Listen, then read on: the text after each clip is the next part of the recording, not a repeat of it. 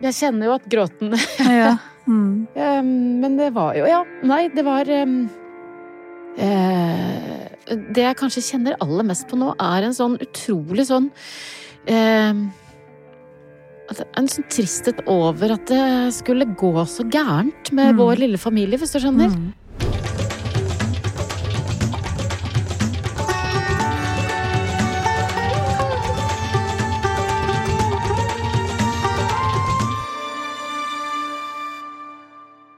Hei, jeg heter Abid Raja. Og jeg heter Nadia Ansar. Du, Nadia. Vi to kjenner hverandre jo veldig godt. Vi har jo faktisk vært gift i over 20 år. Og det er først nå vi har funnet ut at vi skal lage podkast sammen. Og den skal handle om følelser. Ja, og hvorfor akkurat om det? Lurer du faktisk på det, Abid? Nei, du, egentlig ikke.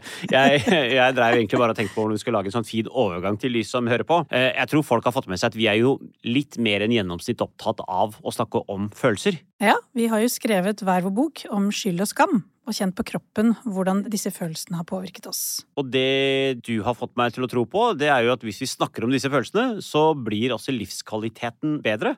Det har jo jeg kjent på sjøl, skrevet om i boka, og jeg kan bevitne på at det har også gjort at forholdet vårt faktisk har eh, blitt bedre. Derfor skal vi invitere forskjellige mennesker som vi er nysgjerrige på, til å komme hit og snakke åpent om følelsene sine. Målet er jo, og håpet er jo at både gjesten og vi, og kanskje også de som hører på, at vi skal sammen bli flinkere til å både gjenkjenne og håndtere både egne og andres følelser. Ja, rett og slett gjøre både Norge og verden til et mer følelsesvennlig sted.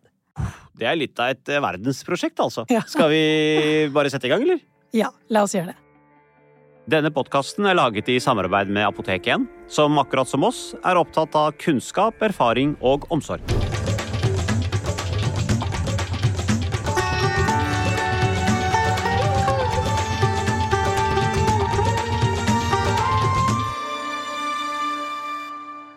Er litt deilig å komme tilbake til eh, hjemlandet igjen, da, Norge. Altså, eh, det virker som vi har vært kanskje veldig lenge borte, men vi har bare hatt en liten helg i eh, Danmark. Ja, Hva sier man da? Er det ikke reklame? Det er deilig å være norsk i Danmark. Ja. Det er deilig å være norsk i Danmark. Eh, men ikke med den eh, valutakursen, da. Det, er jo liksom, det går jo litt sånn opp på det. Men eh, jo, men altså egentlig, det var veldig flott. For at jeg skulle jo egentlig på en eh, konferanse om menneskerettigheter så, for å innlede. Og, eh, mm, og da hender det fra tid til annen at man får lov til å ha med seg ektefelle med på tur. Og kombinere da en type sånn jobbreise med romantikk. Mhm. Så jeg var veldig glad for at du hadde tid da, til å bli med. Og jeg er veldig glad for at du ville ha med meg. Da fikk vi litt kvalitetstid. Det gjorde vi, altså. Vi fikk eh, gode, lange frokoster på morgenen, spaserturer, sneket oss til litt shopping, det er ikke så mye. Eh, I tillegg til at vi har fått sovet lenge og spist veldig mye god mat. Så, så jeg har kost meg veldig. Jeg skjønner at eh, nordmenn elsker eh, København, altså. Ble ikke noe tur på tivoli, da. Nei. Men øh, der har vi vært noen ganger, og særlig i juletider med barn. Men det var jo ikke helt sånn da du vokste opp, Abid.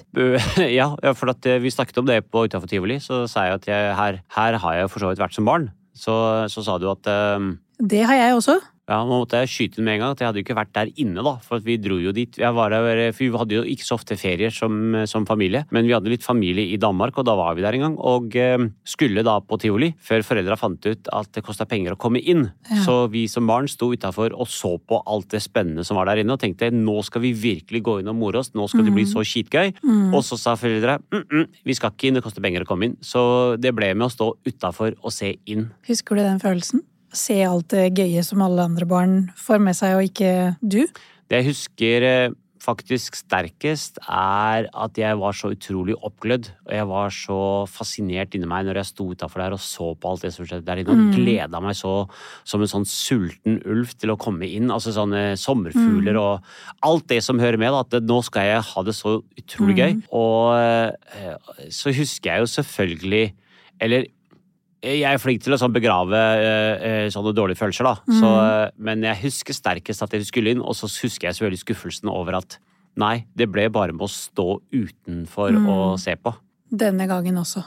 Ja, dessverre. Så det er litt det der med både å ha en forventning om at endelig skal jeg på en måte oppleve noe eksepsjonelt gøy, eh, og ha det skikkelig gøy, og så den skuffede forventningen over at her er det veldig mye gøy som er forbeholdt andre barn, men ikke meg. Ja. Det, det å være eh, barn i en familie som har dårlig råd, det, det, det er faktisk noe særlig gøy. Og så vet jeg, jeg er veldig takknemlig for at eh, Altså, jeg har faktisk ikke vært på tivoli før jeg ble så voksen at vi hadde barn. Mm. Eh, Det var sammen med deg. Ja. Du hadde fått tak i noe sånn danskebåten, sånn én krone per billett-greie. Det var noe sånn 100 kroner, jeg husker ikke hva det var. Ja. Vi dro dit da, i, det var vel i desember, januar, altså altså den tida der. Og ja, vi var fem stykker, fire stykker kasta opp, både Ja. tur i tur. Eh, Vi kom dit, var halvsvimle når vi kom ut, dro på tivoli, var kaldt som bare guffent. eh, Det var ikke den eh, idylliske ideen å ha tivoli i Danmark i juletider og drikke masse sånn glühwein-greier og kose oss. Nei, det ble ikke helt sånn. Nei, og jeg tror kanskje barna våre når de vokser opp, kommer til å tenke pappa og mamma tok oss ut på tivoli i torturværet.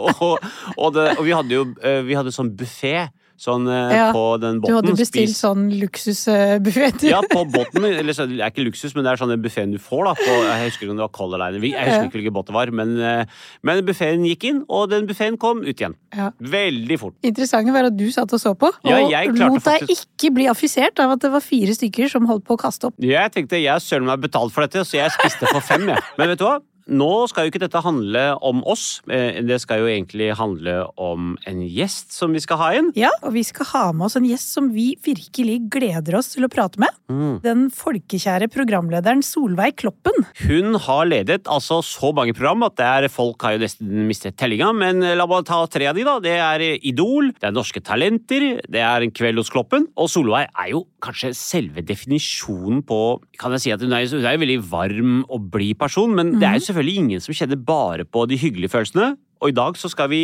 snakke med Solveig om hvordan det er å være følelsesmenneske. Og så skal vi også komme inn på de følelsene som vi normalt ikke forbinder med henne. Åh, jeg gleder meg skikkelig til dette.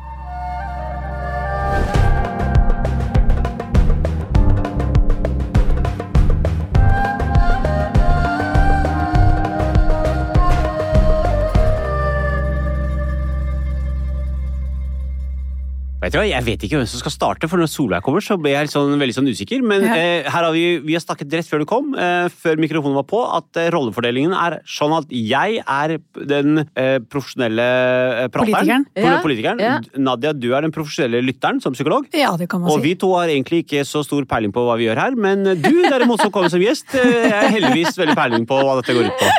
Så velkommen skal du være. Så du har trygge hender. Tusen, tusen takk. Det er veldig hyggelig å være her. Ja, Vi har snakket om uh, merittene dine før du kom. Eh, blant annet at du har fått tre gullruter.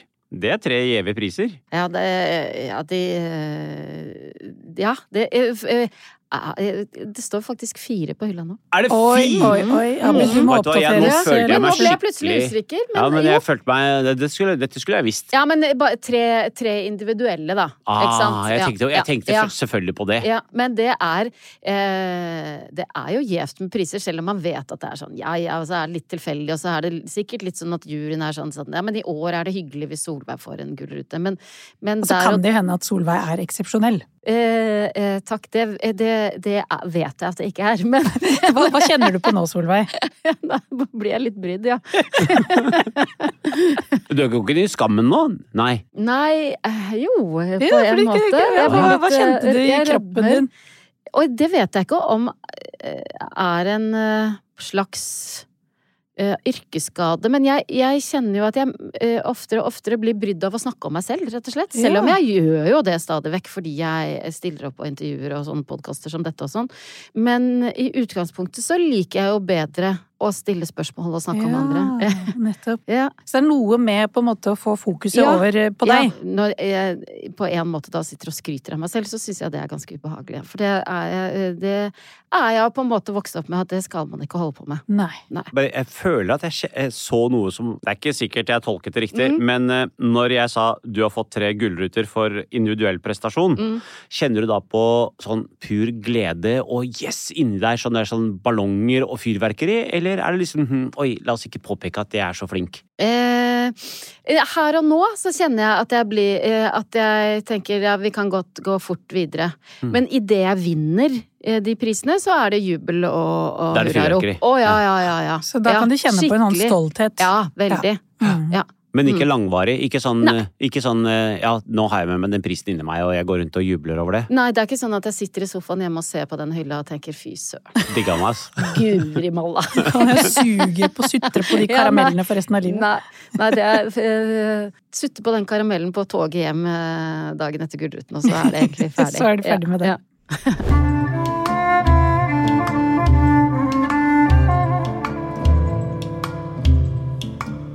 Men du, over på dagens tema, for jeg, må jo være ærlig og si at jeg og mange andre beundrer jo både åpenheten og ærligheten din. Har det alltid vært sånn eh, lett for deg å forholde deg til egne følelser? Eh, det korte svaret er vel nei. Nei. nei. Jeg vokste opp i en familie med en, en sånn ganske klassisk familie. To, to voksne og to barn, og en hund. Jeg tenker at det var mye kjærlighet der. Mm. Eh, mye kjærlighet i bunn. Og eh, tilsynelatende ganske sånn velfungerende, ressurssterk familie. Øvre middelklasse, liksom. Og med eh, det meste på stell. Ja. eh, Veldig lenge. Mm. Eh, men jeg må jo si at jeg etter hvert har tenkt at jeg har vokst opp i en eh, emosjonelt dysfunksjonell familie. Mm. Og så tenker jeg at eh, det er ikke en lidelseshistorie, for at jeg, jeg tenker på min oppvekst som på en måte trygg øh, og god og, og som sagt fylt av kjærlighet, men vi, vi var jo fire mennesker som ikke klarte å nå helt inn til hverandre, rent Mm. følelsesmessig. Mm. Liksom jeg har tenkt på det sånn, jeg, jeg kan faktisk ikke liksom huske at, eh, at noen av mine foreldre noen gang har liksom spurt sånn Men, men hvordan går det egentlig? Hvordan, hvordan har du det? Mm. Jeg, eh, Sånn hei, hei Sola, hvordan ja, har du det? Ja, Mm. eller jeg ser Nå ser jeg at eh, det er et eller annet. Hva er det? Mm. Jo, det er ikke helt sant. Moren min, på hvert fall de senere årene, så var hun, var hun mer der, på en måte. Men som Mm. barn Ja, og som ung barn. Jeg kan ikke huske det. Jeg kan heller ikke huske Og dette tror jeg kanskje er, er ganske typisk for en sånn 70-80-tallsfamilie. Mm. Absolutt. Mm. Eh, Med en far som jobba mye, kom hjem, fikk middag, la seg på sofaen og leste avisen, og så måtte vi være stille, for da skulle far så, ha liksom. Far måtte liksom. hvile. Ikke sant? Far Ja. måtte hvile.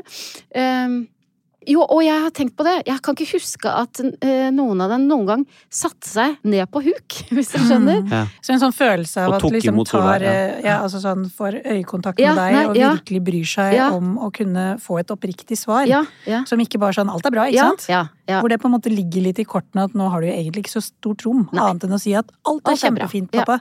Jeg vet ikke. Litt lite undring i forhold til barnet og barna. Mm. Mm. Eh, Jeg kjenner jo det sånn med mine barn at jeg er jo genuint interessert i å høre hvordan de tenker om ting, liksom. Mm. Mm. Mens det tror jeg ikke de var så bevisste på eller opptatt av, Nei. eller Og det er jo litt sånn som du sier, ikke sant? At på mange måter så var det litt typisk for generasjonen over oss. Ja. At det var lite kompetanse omkring eh, hvorfor det er så viktig å snakke om vanskelige følelser. Ja. Og den på en måte forbindelsen mellom det å snakke om emosjonelt ubehag og psykisk helse var jo helt fremmed. ja. Så det var jo litt sånn at eh, følelser ble veldig ofte liksom feid under teppet og Men hvorfor var det sånn? Altså det har jo vært sånn evolusjonsmessig, så kan man jo på en måte eh, undres av at både det med at vi husker emosjonelt litt sånn ubehagelige følelser bedre. Ja. Fordi det sikrer overlevelse. Ja. Så sånn sett så skulle man jo tro at man gikk rundt og bare snakket om emosjonelt ubehagelige følelser. ja. Men det er jo ikke de følelsene vi vil ha. Nei. Vi vil jo gjerne ha De de, behagelige liksom. følelsene, fordi de gir en sånn følelse av å lykkes, av mestring, av å kunne kjenne på stolthet. Det er de følelsene vi vil ha mer av, ikke sant? Mm. Så på en eller annen måte så tror jeg at kanskje det er vårt forsøk på å forsøke å påvirke eh, eh, andres følelser, da. Ja. At hvis det er noe jeg kan gjøre, så kan jeg i hvert fall si ja, men nå har vi det bra, ikke sant? ja, ja. Husker du den gangen vi var på Tusenfryd, eller husker du når vi hadde det, var hos mormor og morfar, hvor utrolig fint det var? Mm. Så er det akkurat som om vi håper og ønsker at det er det eh, barnet vil huske. Mm. Og så er det dessverre litt sånn motsatt ofte, da. Mm. At, at når vi på en måte forsøker så hardt å påvirke hukommelsen ved å holde fast på de positive opplevelsene, så, og, og fortrenge de vonde, Mm. så er det nesten så de på en måte blusser opp og bobler Ja. opp. Ja. Eh, Helt sånn når vi egentlig ikke ønsker det. Ja. Eh, Mens når vi på en måte heller fokuserer på og kan snakke om de vonde, vanskelige følelsene, Mm. så er det lettere å bli ferdig med det. Mm.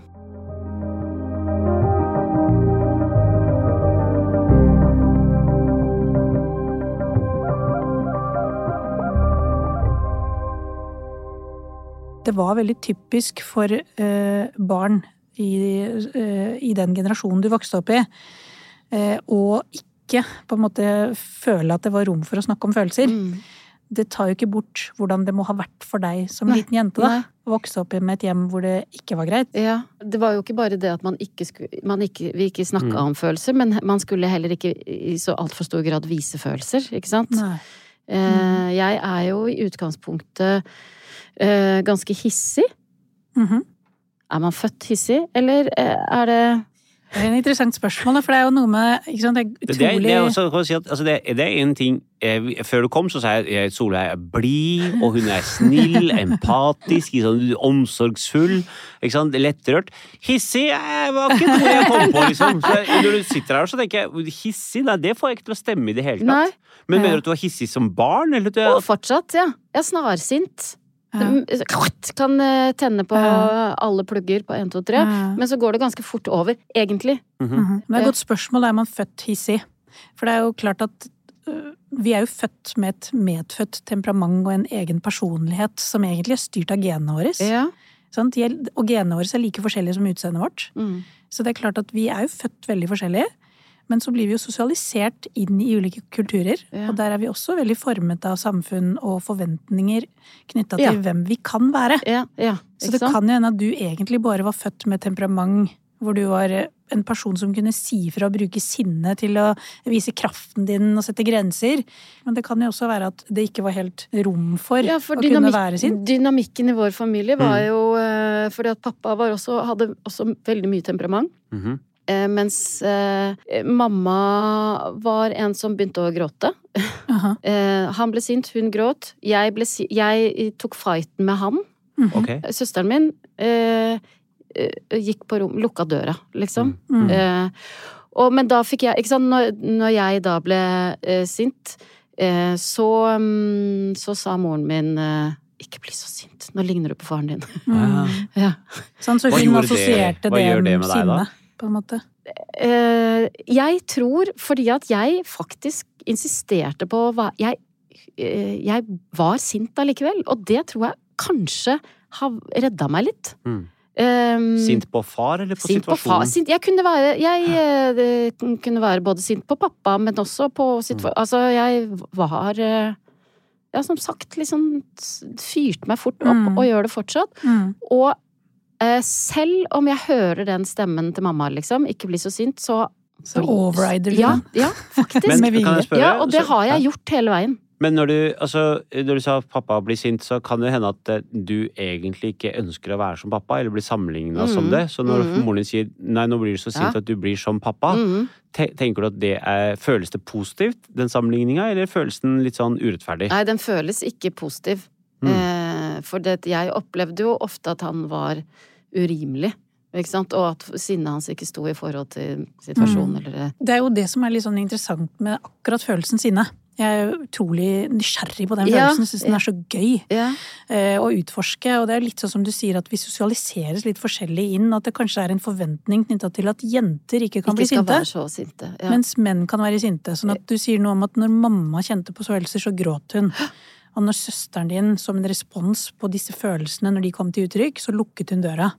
Det er, det er sånn du vokste opp med å lære å forholde deg til følelser. Men så velger du likevel å trosse det litt. Ja. Altså, akkurat som jeg ser at du blir liksom litt stolt ja. av at du har trossa Ja, det. Som ofte er indikasjon på at det er en, et sinne som er positivt, eller det vi kaller for såkalt nyttig eller adaptivt sinne. da. ja. Mens For hvilke former det, for sinne har vi, liksom?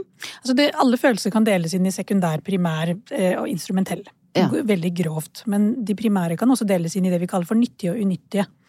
Men veldig kort oppsummert så betyr det litt sånn at hvis du eksempel som barn blir sint, og du får lov og tillatelse til å kunne kjenne på sinne, for eksempel når eh, datteren din sier sånn 'Dette er min bamse. Jeg vil ikke at du skal ta den fra meg.' Og mamma sier sånn 'Det er klart du skal få beholde bamsen din. Den er jo din.' Skjønner ja. godt det. Ja. Så er det eh, en, en fin måte å møte primært sinne på, Mm. som gjør at sinnet veldig ofte legger seg. Ja. Det dempes ja, ikke sant? veldig, Ja. Så er du ferdig ja. med det. Mm. Så det er veldig lett å forstå mennesker som kjenner på primær sinne. Det er lett å føle empati med mennesker som føler og viser en primært sinne. Mm. Så som du, du snakker nå, så kjenner jeg en empati og en varme. Det som er litt typisk for sekundært sinne, det er at det er veldig ofte mynta til andre mennesker. Ja. Så da er det ofte klandrende, Ja, anklagende. Ja. Du er sånn. Ja. Du oppfører deg sånn. Jeg vil at du skal gjøre sånn. Da kan vi ofte kjenne litt på at det lugger, at det er noe som skurrer. Så det er det som også gjør at sinnet får et veldig dårlig rykte der ute. Ja. Det er fordi at folk blander sammen primært og sekundært sinne. ja. Så du er Så ikke sint lenger sinne. fordi du er sint egentlig på grunn av den andre? Ja, altså det kan være for eksempel at hvis du dette Ja, dette er komplisert. Ja, ja, ja. Ja, altså, hvis jeg- hvis jeg for eksempel nå sier til Abid Abid, eh, nå avbrøt du meg. Så nå syns jeg du skal få lov å la meg prate ferdig. Ja. Så høres ikke jeg sint ut. Nei. Men jeg er egentlig sint. Ja. Sånn er det primære sinnet. Det er veldig rent, det er lett å forstå. Eller jeg vet ikke om du forsto meg helt. Jo, jeg forstår det. at Jeg skulle Ja, ikke avbryte ja, nei, Jeg- jeg- ja. altså, jeg- Nei, du gjør det altfor ofte, Abid. Ja, jeg veit det, men, men akkurat nå hadde jeg ikke gjort det så ofte. Men hvordan er det det- men sekundære, da? det, det sekundære kunne vært sånn at jeg kunne For eksempel, jeg kjenner meg så alene, og så klarer ikke jeg å si noe om det. Mm. Men så kan jeg heller si at nå syns jeg at du har vært veldig Ja. mye sammen med andre folk. Det synes jeg, nå syns jeg du prioriterer alt det andre foran meg. Det er ofte litt sekundært, fordi at det du egentlig ønsker å si da, er at jeg kjenner meg litt alene. Ja, fordi at, men fordi at sekundært sinne, det vil si på en måte at man Eller er det også Ja, og kamuflerer, andre, kamuflerer primærfølelsen, liksom. Jeg er lei meg, men jeg blir er sint. Nettopp. Fordi at det opplevde jeg da, da mamma og Katrin døde, ikke sant? Og hvor jeg ikke da på, følte Jeg tok jo ikke helt den sorgen på alvor. Mm. Jeg var, klarte ikke å gå inn i det sorgrommet, liksom. Mm. Men det det førte til etter hvert da, var jo ikke at jeg eh, gråt. Nei. Eh, ikke sant? Så du beskyttet deg på en måte. Ja, så jeg ble bare sint, Sint, og, ja. ja, og Ja. urimelig. Taklet sorgen ja, med ja. sinne. Mm. Ja. Det er det, da det er på en måte det er et sekundært sinne, og samtidig så skal vi ikke disse det sekundære sinnet heller. fordi at det handler også igjen om læringshistorie. Det handler om hvilke Mm. følelser det var tillatt for deg å vise som barn. ja. Det var ikke trygt for deg å vise sinne, fordi mamma ble jo eh, kjempeskremt Ja, og trodde at nå blir du som pappa. Så du trengte å beskytte deg selv for å sikre at du fikk omsorg fra dine primære omsorgsgivere. Mm. Så man skal ikke bare disse det sine heller, fordi det har jo også sørget for at du har klart deg så godt. Ja. At du har beskyttet deg selv med at når du kjenner på sorg og tap, Ja. så beskytter du deg selv Med sinne. med sekundært sinne. Ja. Sant? Så det er mer det med at det tror jeg kanskje du kjenner mest på kroppen. Ikke sant? Du, at du kan forstå på sikt at det ikke fører til at ditt behov Mm. blir dekt. Fordi Mm. at når du egentlig Mm. sørger, så har du behov for nærhet. Du har behov for andre mennesker, du har behov for en klem. Mm. Og så får jeg det motsatte. Fysisk kontakt, og så får du det motsatte ikke sant? ved å være sint. Du sa dette med at du eh, taklet da sorgen med sinne. Mm. Eh, har du da klart å etter hvert gi slipp på sinne og, og takle sorgen som sorg skal takles? Ja, Altså, for jeg ble på en måte tvunget til det etter hvert, fordi at eh, de, eller særlig han ene jeg lever med, altså Kjartan, mannen min, Mm. sa etter hvert at dette, dette går ikke, liksom. Ikke sant? Det er Nå må- usunt. Ja, nå må du gå og få hjelp, for jeg kjenner at eh, nå klarer jeg ikke dette, dette klarer jeg ikke mer. Mm. Så da og, Så enn å være lei deg for tapet, så er du egentlig sint over tapet? eller? Ja, nei, ikke, jeg var ikke Det var jo nettopp det. Mm. At det, det var ikke det, Mitt sinne var ikke retta mot, uh, mot sorg og tap, eller ikke sant, de Mm. som var borte, eller Det var jo det at jeg bare ble så uh, irritabel og um, Ja. Ja, urimelig, liksom. Det er sånn at alt blir litt betent, Ja, som at man ja, ikke kan ja, berøre det. Ja. Mm.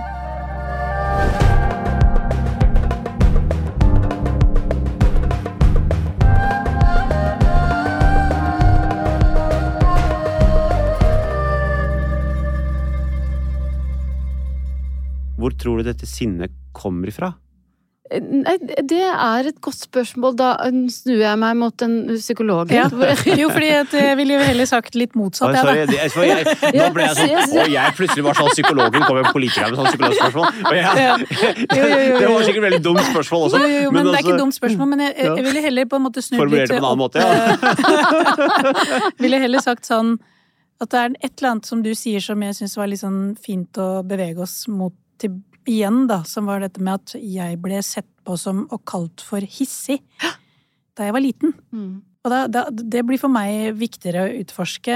Eh, Var det, var det sinnet i seg sjøl som var problemet, eller var det hvordan andre opplevde å møtte deg på det sinnet? Mm. For det høres nesten ut som det er det Mm. andre, Mm. med tanke på at jeg nå kan høre at du er ganske stolt over at du har klart Ja, å ja, så holde på det sinnet. Ja, det er helt sant. For Mm. meg har det ikke Er det Var ikke og har, er heller ikke nå problematisk å bli sint. Det er ikke noe Nei. ubehagelig for meg. Nei. Det er bare Det, er mer reaksjonene Ja, fra folk skjer. som kan irritere ja, deg. Ja, og det eh, kjenner jeg jo, ikke sant. Noe når, Hvis eh, Kjartan og jeg Vi hadde en episode her om dagen. Kom hjem fra ferie, og så skulle jeg eh, ordne hagen. Det var blitt mm, rot og buska, buskaseri i hele hagen. Mhm. og, så, og så sier jeg til Kjenner meg litt igjen i det. ja, Mm. ja, og så sier jeg til Kjartan Jeg luker bedene, for jeg vet hva som er, ikke sant? Ikke, Plutselig så har du dratt opp et eller annet som ikke Sier du? Ja. Ja, ja. ja. Eh, og det er greit. Sånn. Og så og dette er jo helt idiotisk og en liten filleting, men, Ja. men eh, så klipper han gresset, går over med kantklipperen, eh, og så skal jeg gå ut, eh, ned i det fine bedet, og så bare Ja, ja. Og da sitter han der, verandadørene åpne, jeg er ute, han sitter rett innafor inne på kontoret, og så roper jeg 'men det her må du Ja, men i helvete! du har, Nå har du jo tatt de blomstene som jeg Ja. planta Ja. for to uker siden! Ja.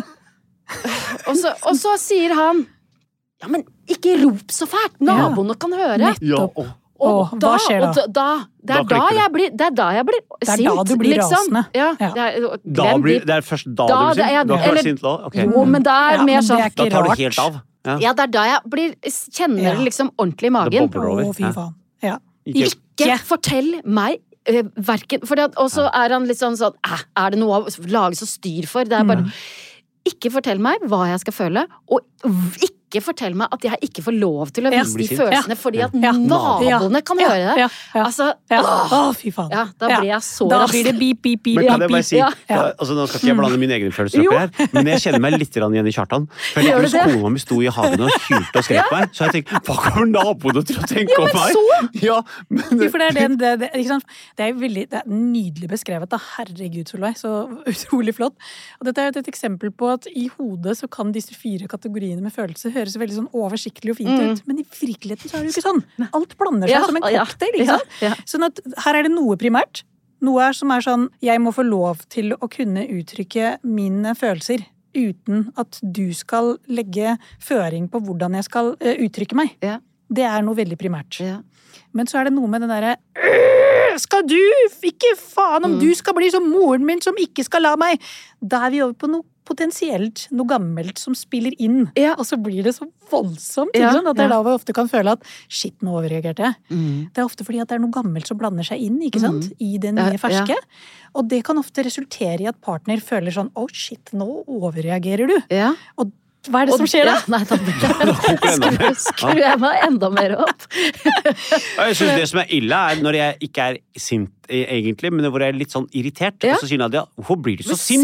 sint? Ja, sint? Ja, og så, og så så, jeg 'jeg er jo ikke sint', og så sier folk sånn 'ja, men se på deg, da, du er jo sint'. Så blir, da blir jeg enda sintere! Og nå, da er du skikkelig fyrt opp. Sier 'nå ser du hvor sint du er'. Så Ja, men det er ikke rart at jeg er sint! da. Det er jo du som har gjort det! Og så sier hun 'ja, nå skal du skylde på meg for at du er sint'. Du må jobbe litt i det. Og det var sånn åh, Ja, hvordan, meg er, håret, liksom. hvordan er dynamikken hos dere når det gjelder Ja, ja, ja, temperament? ja. og- Nei, men altså, Altså, Abid har jo, altså, vi kan si at Abid har litt mer komfortabelt forhold til sinne. Ja. Og jeg tror det er kjønna, Ikke sant? Ja. Jeg har nok også litt sånn som deg erfaringer med at jeg tror nok også jeg var ganske temperamentsfull som barn. Mm. Og noen av de gamle bildene jeg ser av meg, så ser jeg nesten ut som Sinnataggen. Ja. Og det er jo ikke noe som folk assosierer med Ja, meg, for nei. jeg blir også sett på som en veldig varm empatisk Ja, ja, person. ja. Jeg tror egentlig jeg er ganske sint. Ja. Og jeg tror, sånn som deg, Ja, at jeg er litt bekrefte. stolt over.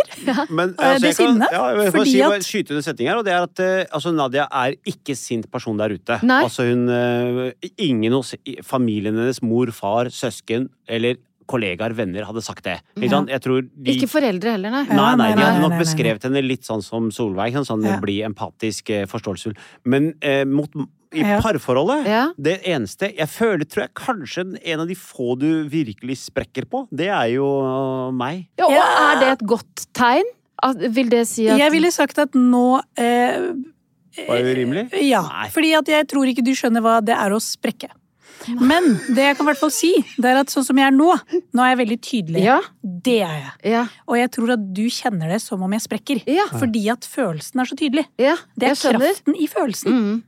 Nå er jeg sint. Ja, jeg merker det. Ikke sant? Ja, ja. Merker du det? Jeg Det er merker noe at du er tydelig. Ja, Ja.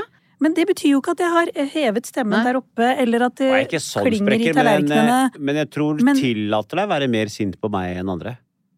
Jeg tror at de som kjenner meg godt, sier at jeg er ganske tydelig. Ja. Ja, Og ganske grensete. tydelig. Men vil det si at du aldri eh, sånn, sprekker sånn som man tenker Ja, på det så, sånn som han beskriver det, så tror jeg kanskje lytteren tenker at, Nei, eh, at jeg, jeg, jeg, Nadia driver kan ikke stå i hagen og, Og si, skrike og skrike til meg. Det, Nei. det hadde jeg ikke gjort. Jeg ble, Nei. hadde blitt kalt inn til sånn, eh, sånn Samtale. samtale. Ja. Sånn utviklingssamtale. Ja. Så, men jeg hadde opplevd sinne Ja. Som han, han hadde tydelighet, da. opplevd Ja. sinne som ikke sant? Så det er det, det er kraften. Ja. Kraften i følelsen. Ja. Han merker den.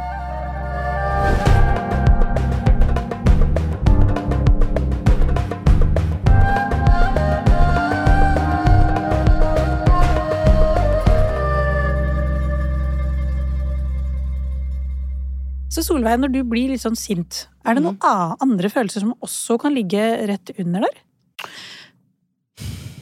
Ja, det er det jo helt sikkert. Jeg tenker at eh, jeg, som veldig mange av oss, har jo en sånn grunnleggende redsel for å bli eh, avvist og forlatt. er det ikke det? Er, Det er er så ikke vanskelig å innre... si det, er det ikke? Jo.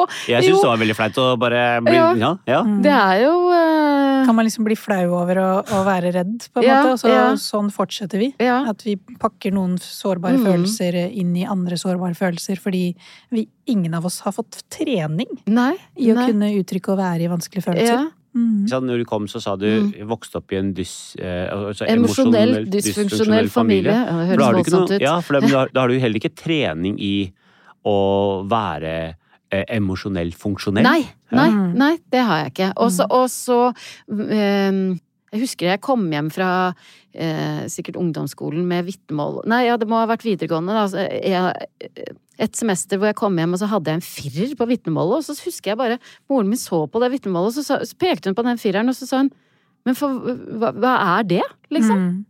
Sånn, sånn at, og, og det var, Og det, var den eneste karakteren hun ga oppmerksomhet ja, til. ja. Jeg vokste opp med en storesøster som var veldig flink på skolen, og jeg var ganske skoleflink jeg også, og det der var helt sånn ukjent for henne, og det var nettopp det. Det var den hun pekte på, liksom. Ikke sånn oi, guri. Alle de andre var femmer og sekser, og så var det det hun la merke til. Og hva, hva sånn- gjorde det med deg, da? Nei, da tror jeg også jeg ble sint, da. Mm. Og da sa hun ikke 'nå blir du som faren din'? ja, ja. Så det hjalp sikkert på. Men det er, jo- altså, det er det jeg tenker at det, det er noe av det Mm. For jeg kan kjenne sånn frysninger når du prater, og ofte sånn indikasjon på at det er veldig sånn selvhevdende primært, et veldig sånn godt sinne. Mm. For det, det som veldig mange kunne ha følt på da, var at oi, nå har jeg skuffa mamma. Mm. Jeg er ikke god nok. Jeg er ikke flink nok. Ergo skam. Mm. Ikke sant? Og, og gått inn i en eller annen sånn skammodus. Jeg har jo skammet meg mye, så jeg har snakket mye om min skam, og hvordan jeg potensielt kunne reagert på en sånn kommentar. Mm. Ja. Men det er akkurat som om du hadde en litt sånn derre fy faen. Ikke faen om litt du trass. skal At Ja. har, det er mye trass i bunnen, ja, liksom. altså det, og, og det er sunt, da. Ja. Og det er liksom, der tenker jeg at Abid også har mye av den kraften. At det er en eller, annen, en eller annen side en eller annen del ved deg som sier at dette er jo ikke rettferdig eller rimelig måte å reagere på. Mm. Så en eller annen sånn protest på innsiden, da. Som står opp for deg selv og er selvhevdende. Ja, nå kom jeg på en episode, eller mm, som handler om det med skam og trass og sånn. Fordi at uh, moren og faren min, uh, lang historie, de gjorde så godt de kunne, men det skar seg etter hvert, da. Og så uh, gikk huset vårt på tvangsauksjon. Mm. Da jeg var ja. 20. Eh, og vi hadde da, ikke sant, bodde på Jessheim, var ganske Altså pappa hadde vært eh, e-verksjef i bygda, hadde ganske sånn Mm. det, det var kjempefall, da. Mm. Mm. Og pappa flytta, altså det ble, de skilte seg. Mm. Og så Og så blir ikke noe mer dramatisk enn det. På en måte. Både hus og Ja, ja, ja, tvangssalg, det, det, er det er tungt, og Ja, det, er, ja. det er sånn man, man mister mye anseelse. Ja, ja. og- ja. Og for moren min, eh, som på en måte var et menneske som var veldig opptatt av fasade, så var det jo helt Mm. Det var ikke til å bære, egentlig. Mm. Men, men da husker jeg at jeg tenkte Dette er ikke min skam. Nei. Mhm. Jeg, kan, skal, jeg skal ikke skamme meg her nå. Mm. Eh, sånn at da spurte jeg eh, mine venners foreldre om hjelp. Mm. Og som var helt uvurderlig, liksom. Altså, ellers så hadde vi ikke Mm. Klart klart å stable Mm. oss på beina igjen. Mm. Eh, Men det var så veldig definerende øyeblikk, liksom. Det der, Mm. Jeg husker det så godt. Mm. At det, du kjenner nå i kroppen din, da? Hva kjenner du nå? nei, nå kjenner jeg egentlig litt sånn sorg. Ja. Eh, Ja, for det er, det er ganske, det er ganske sårt, det du forteller om nå. Mm. Det er akkurat som om hele fundamentet ditt, hele Ja. tryggheten, familien er i oppløsning, Mm. økonomien er i krise. Det er ingen som klarer å komme seg ut av den skammen. mm, Og så er det du som barn som faktisk Mm. må ta affære og Mm. gå ut og, og hjelpe mm, eh, familien din ut av en krise. Det er altfor store sko for et Mm. hvilket som helst barn å kunne bære. Jeg kjenner jo at gråten Ja. Mm. Um, Men det var jo Ja, nei, det var um, uh, Et øyeblikk hvor det var sånn, kanskje, jeg, jeg vet ikke, men jeg lurer liksom på om det også må ha kjentes veldig sånn ensomt, Ja. på en måte. At Men det er ingen her ja, som kan hjelpe meg. men heldigvis så hadde jeg jo storesøsteren min. Jeg Ja. følte at vi liksom var i kampen sammen, da. Sånn, Så du var ikke alene i det? Nei, jeg var ikke alene i det. Eh, Men det, det er jo en sånn Det jeg kanskje kjenner aller mest på nå, er en sånn utrolig sånn eh, En sånn tristhet over at det skulle gå så gærent med Mm. vår lille familie, hvis du skjønner. Mm. Um, Så det høres ut som det er en eller annen sånn sorg over tapet av den tryggheten, Ja. den stabiliteten, tapet av Ja. hele barndommen, Ja. egentlig. Mm. Så en litt sånn sorgen over å miste det Mm. fundamentet, den Mm. tryggheten. Da mamma døde, så, um, så skulle jo egentlig Katrine og jeg rydde opp i huset hennes. Hun bodde jo i et ganske stort hus, liksom. Øhm, men så gikk det jo seks uker, og så, og så tok Katrine livet av seg. Sånn at um, vi fikk ikke, vi, vi, vi fikk Mm. ikke rydda i det huset Mm. før hun døde. Mm. Eh, og da det der, og Jeg brukte tre år Mm. på å rydde eh, fordi at eh, det var nettopp det der å gå gjennom hele den Barndommen, på nytt. på nytt. ja. Mm. jeg Ja. Kunne jo bli sittende liksom en hel dag med en, bare en skuff i en kommode. Mm. Eh, Mm. og, um, og så var det jo hele tiden eh, mange som sa sånn Nå må du, nå, nå må du. Må du komme deg Skal, skal, ja. skal, og det var fantastiske folk altså, ikke sant? Skal, vi, skal jeg Mm. være med deg og rydde? Mm. Da, vi får gjort Mm. alt på en uke. Mm. Men så tror jeg på en måte at det var liksom bra for meg òg. Mm. Prosessen. ja, Mm. og ok, så tok jeg den dagen med den skuffen, og så Mm. fikk jeg gått gjennom eh, Mm. den krangelen der, eller, Ja. ikke sant. Det trygga så innmari mye. Så utrolig mye som på en måte ikke fikk tillatelse til å kunne være der fordi du sto midt i krisen. Ja. Mm. Og det er veldig ofte sånn som skjer, ikke sant. Når du står midt i krisen, så må du bare overleve. ja, ja. du, sånn som du sa, du måtte ta affære. Mm. Du måtte skaffe hjelp for familien. Mm. Så du kunne ikke bare kjenne på sorgen Nei, og der og da, nei. Der og da. Nei. Og da kommer det ofte litt sånn voldsomt Mm. når det først kommer. Og så er det litt sånn som du er inne på, ikke sant? at igjen så er det en sånn forventning av kulturen om at vi skal liksom så raskt inn i sorgen, og så skal vi så raskt ut av det. Ja, for det er så liksom behagelig for andre òg. med det så Ja. fort. Ja. Det er så behagelig Men- for andre. Ja. Mm. ja. Men du trengte liksom litt tid Ja. til å kunne få lov å gi deg selv den tillatelsen for å kunne sørge litt ekstra, Mm. nå som du faktisk hadde Ja. mulighet til å Ja. for det.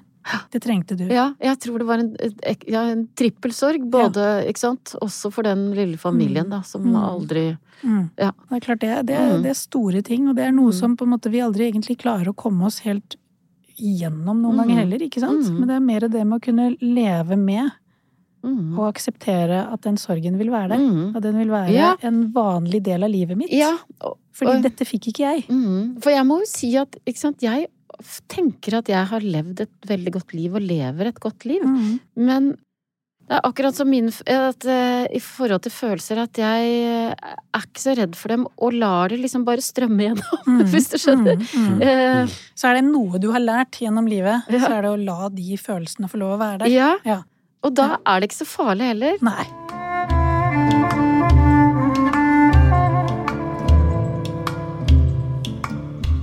Og når du snakker om da den eh, ikke så funksjonelle psykologiske barndommen, hvordan har du tenkt som forelder inn Mm. i din egen familie, da? Og, og klart, har du klart å altså, det der bryte med den arvesynden som er så mm. utrolig sånn gjentagende? Jeg- jeg tenker jo at jeg i hvert fall har prøvd å øh, si til dem at alle følelser er lov. Og, og, og, men hjelpe dem å regulere dem, sånn at de blir liksom eh, Spiselig for folk ja, flest. Ja. Og så Der kjenner du en protest. Ja. Jeg, hører, jeg hører en protest der. Faen! Ja. Du lever i sånt samfunn hvor alle må jeg liksom husker før vi fikk liksom, Vi har en gutt og en jente, og før vi fikk uh, yngstemann så, og fikk vite at det var en jente, så husker jeg at jeg sa i et eller annet intervju jeg, jeg, har, jeg vil at hun skal Jeg vil ha en bråkete datter, Ja. liksom. ja. Um, og så ble hun ganske bråkete etter hvert. og så kjente jeg sånn Fader, det hadde vært behagelig hvis hun ikke, Ikke var var så bråkete. Ja, for det er jo veldig behagelig med lydige barn. ja. Men man vil jo ikke ha lydige barn. Mm. Og så er det, det er, vi, vi, det er ikke sånn at vi Åh, vi sitter hver dag og, og snakker åpent om alle følelser. Det er det ingen som gjør. Nei, jeg Nei. vet Men du kan være på huk, eller har vært Jeg på huk huk med barna og spurt huk, sånn og- Hvordan har du det? Ja. Og jeg tror vi er ganske gode på validering. Mm. Eh, Mm. At eh, vi sier oi, har det det sånn? Det må Mm. være vanskelig. Mm. Eh, ja. Så det er mye rom for å Ja, gi aksept for eh, emosjonelt Ja. ubehag. Ja. Ja. Mm. Nå har jeg jo to tenåringsbarn, sånn at eh, det er jo ikke alltid så lett å, å, å nå dem, liksom. Nei. Eh, men da gjelder det å være der Oi, guri, der var det et lite øyeblikk! Ja, ja. Ja, Ja, ja, ikke sant? Det Vi har ikke tre tenåringer selv, Ja, så vi kjenner ja, oss veldig ja, igjen i det. ja. Ja.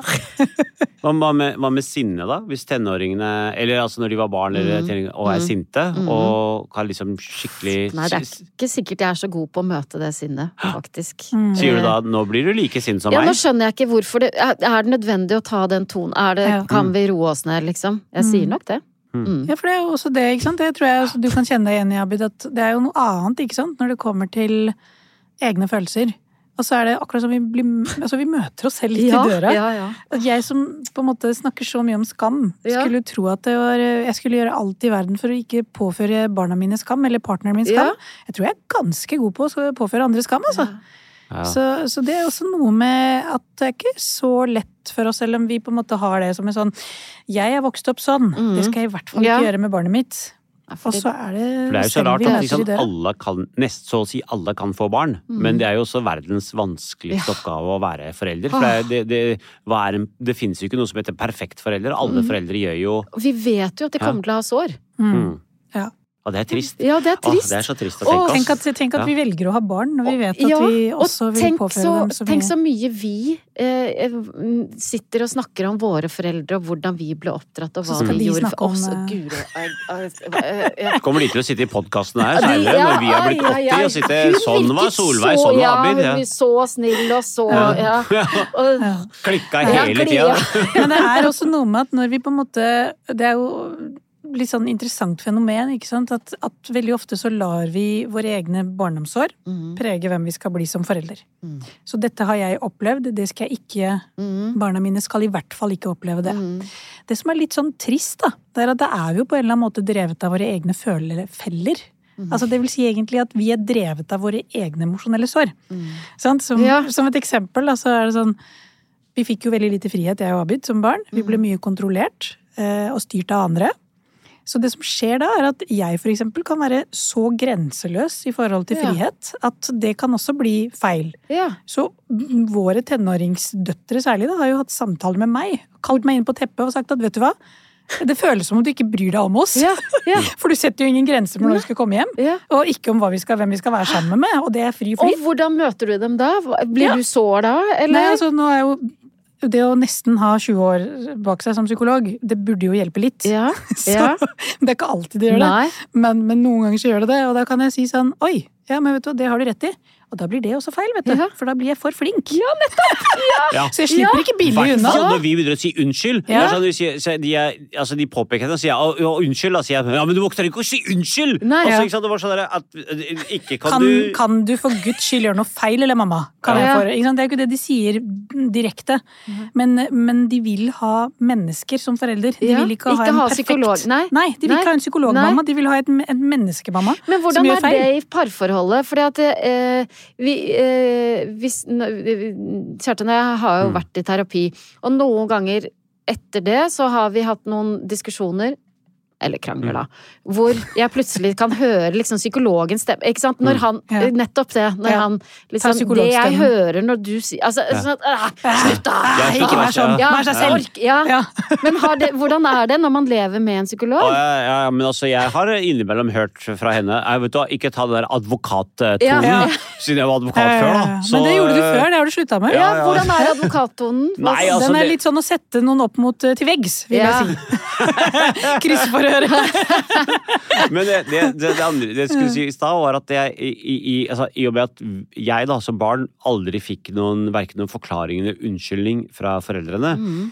så, så tror jeg kanskje jeg i Vi overforbruker Ja, Ja, jeg har liksom sagt Ja. mye unnskyld til barna, for jeg, Jeg tenker også. at det både er reparerende og, og at de skal føle Men, men, eh, men jeg, det har, så noen ganger så tror jeg det har bikket over til at de tenker sånn Men hvorfor skal du gå rundt og si unnskyld? Ja. altså, det er nesten sånn De vil nesten at du skal være forelder. Ja. Bestemme litt. ja, ja, ja. Så, så det, Ja, det er ikke For skjønner, hvem skal ja. de bli irriterte på når foreldrene blir feilfrie? Ja, ja. De får ikke lov. Da Nei. blir jo det Vi er ikke feilfrie, men vi, når vi unnskylder det, så, Så, blir det ja. på en måte sånn vi innrømmer våre feil. og da, hva skal de være synd på nå? Ja. For du har jo allerede sagt unnskyld og sagt Ja. at ja, men jeg skjønner at jeg skulle Ja. ikke ha sagt det. Jeg skulle latt deg være fri. Jeg Ja. Skulle ikke påført deg den og den skammen, skylden, ikke sant? Ja. Så det er jo på en måte sånn godt da, å vite at det er ingen foreldre som kommer til å gå feilfritt inn i foreldre, eller ut av foreldrerollen, og det er ingen Ja, barn det er så som kommer til å irriterende. Ja. Kunne ikke vi lykkes liksom Ja. bare En generasjon. Kunne vi ikke vært den ene foreldreparet som bare Å, vet du ja. hva, vi nailer Ja, det, liksom. ja. Ja, det var liksom home run med tre unger. Men en ting Ja. som kanskje dine og våre barn vil ha til felles, det er jo litt sånn som du sier, at det har vært en viktig greie for deg. At de skal få kjenne på at det er tillatt å føle. Mm. Og si ifra. Og si ifra. Mm. Og jeg skal forsøke så godt jeg kan å validere de. Mm. Da syns jeg fortsatt at du har oppnådd noe veldig viktig. Mm. Særlig med tanke på det du selv har erfart. For da har du egentlig lært bort noe til de Mm. som du ikke lærte selv. Mm.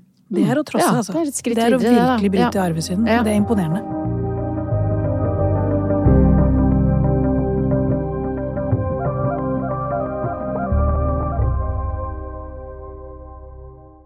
Så rent avslutningsvis nå, Solveig, Ja. så har du en kortstokk foran deg. Ja. eh, Og den består av noen spørsmål. Ja. Du skal få lov å trekke et Oi. spørsmål. ja, gøy. Og så er det litt sånn, hvis du kan være spontan og svare på det så godt du kan, så hadde det vært veldig gøy. Da tar jeg på meg brillene. Og hva står det der? Oi, når er du på ditt mest smålige? Det er gøy spørsmål. Eh, å, det er jo så vond følelse. Eh, men det har jo Nei, for eksempel så kan jeg kjenne på hvis Jeg, jeg har så lyst på hytte på fjellet, for eksempel. Eh, og så har vi venner som har fått fantast, fantastiske fjellhytter. Mm. Og hvor jeg kan kjenne sånn Å, så deilig å få være med, da. Men åh, så jævlig irriterende at Ja, at de har det, Ja. og ikke jeg. Ja. Ja. Jeg vil også ha en sånn det, hytte. jeg vil også Ja, ha. jeg Ja. vil også ha det. Ja. Ja. Og jeg kjenner meg litt igjen. Ja.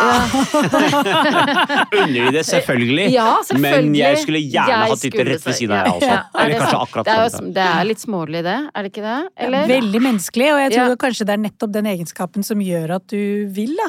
Mm. Det er den pågangsmoten og kraften som gjør at du har lyst til å fortsette å drive Mm. deg fram og pushe deg selv til å Mm. oppnå drømmene dine. Mm. Så det er jo Men, men ja, alle, alle, alle medaljer har en bakside. Jeg har også kjent meg smålig i sånn forelderskap opp igjennom.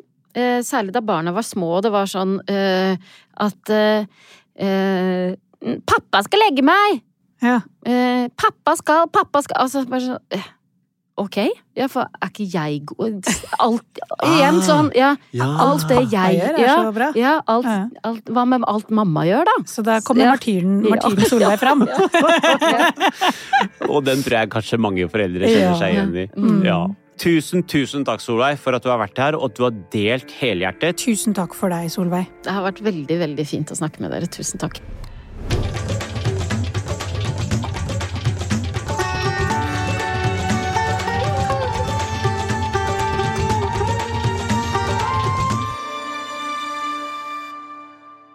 Apotek 1. Vår kunnskap, din trygghet. Plan B.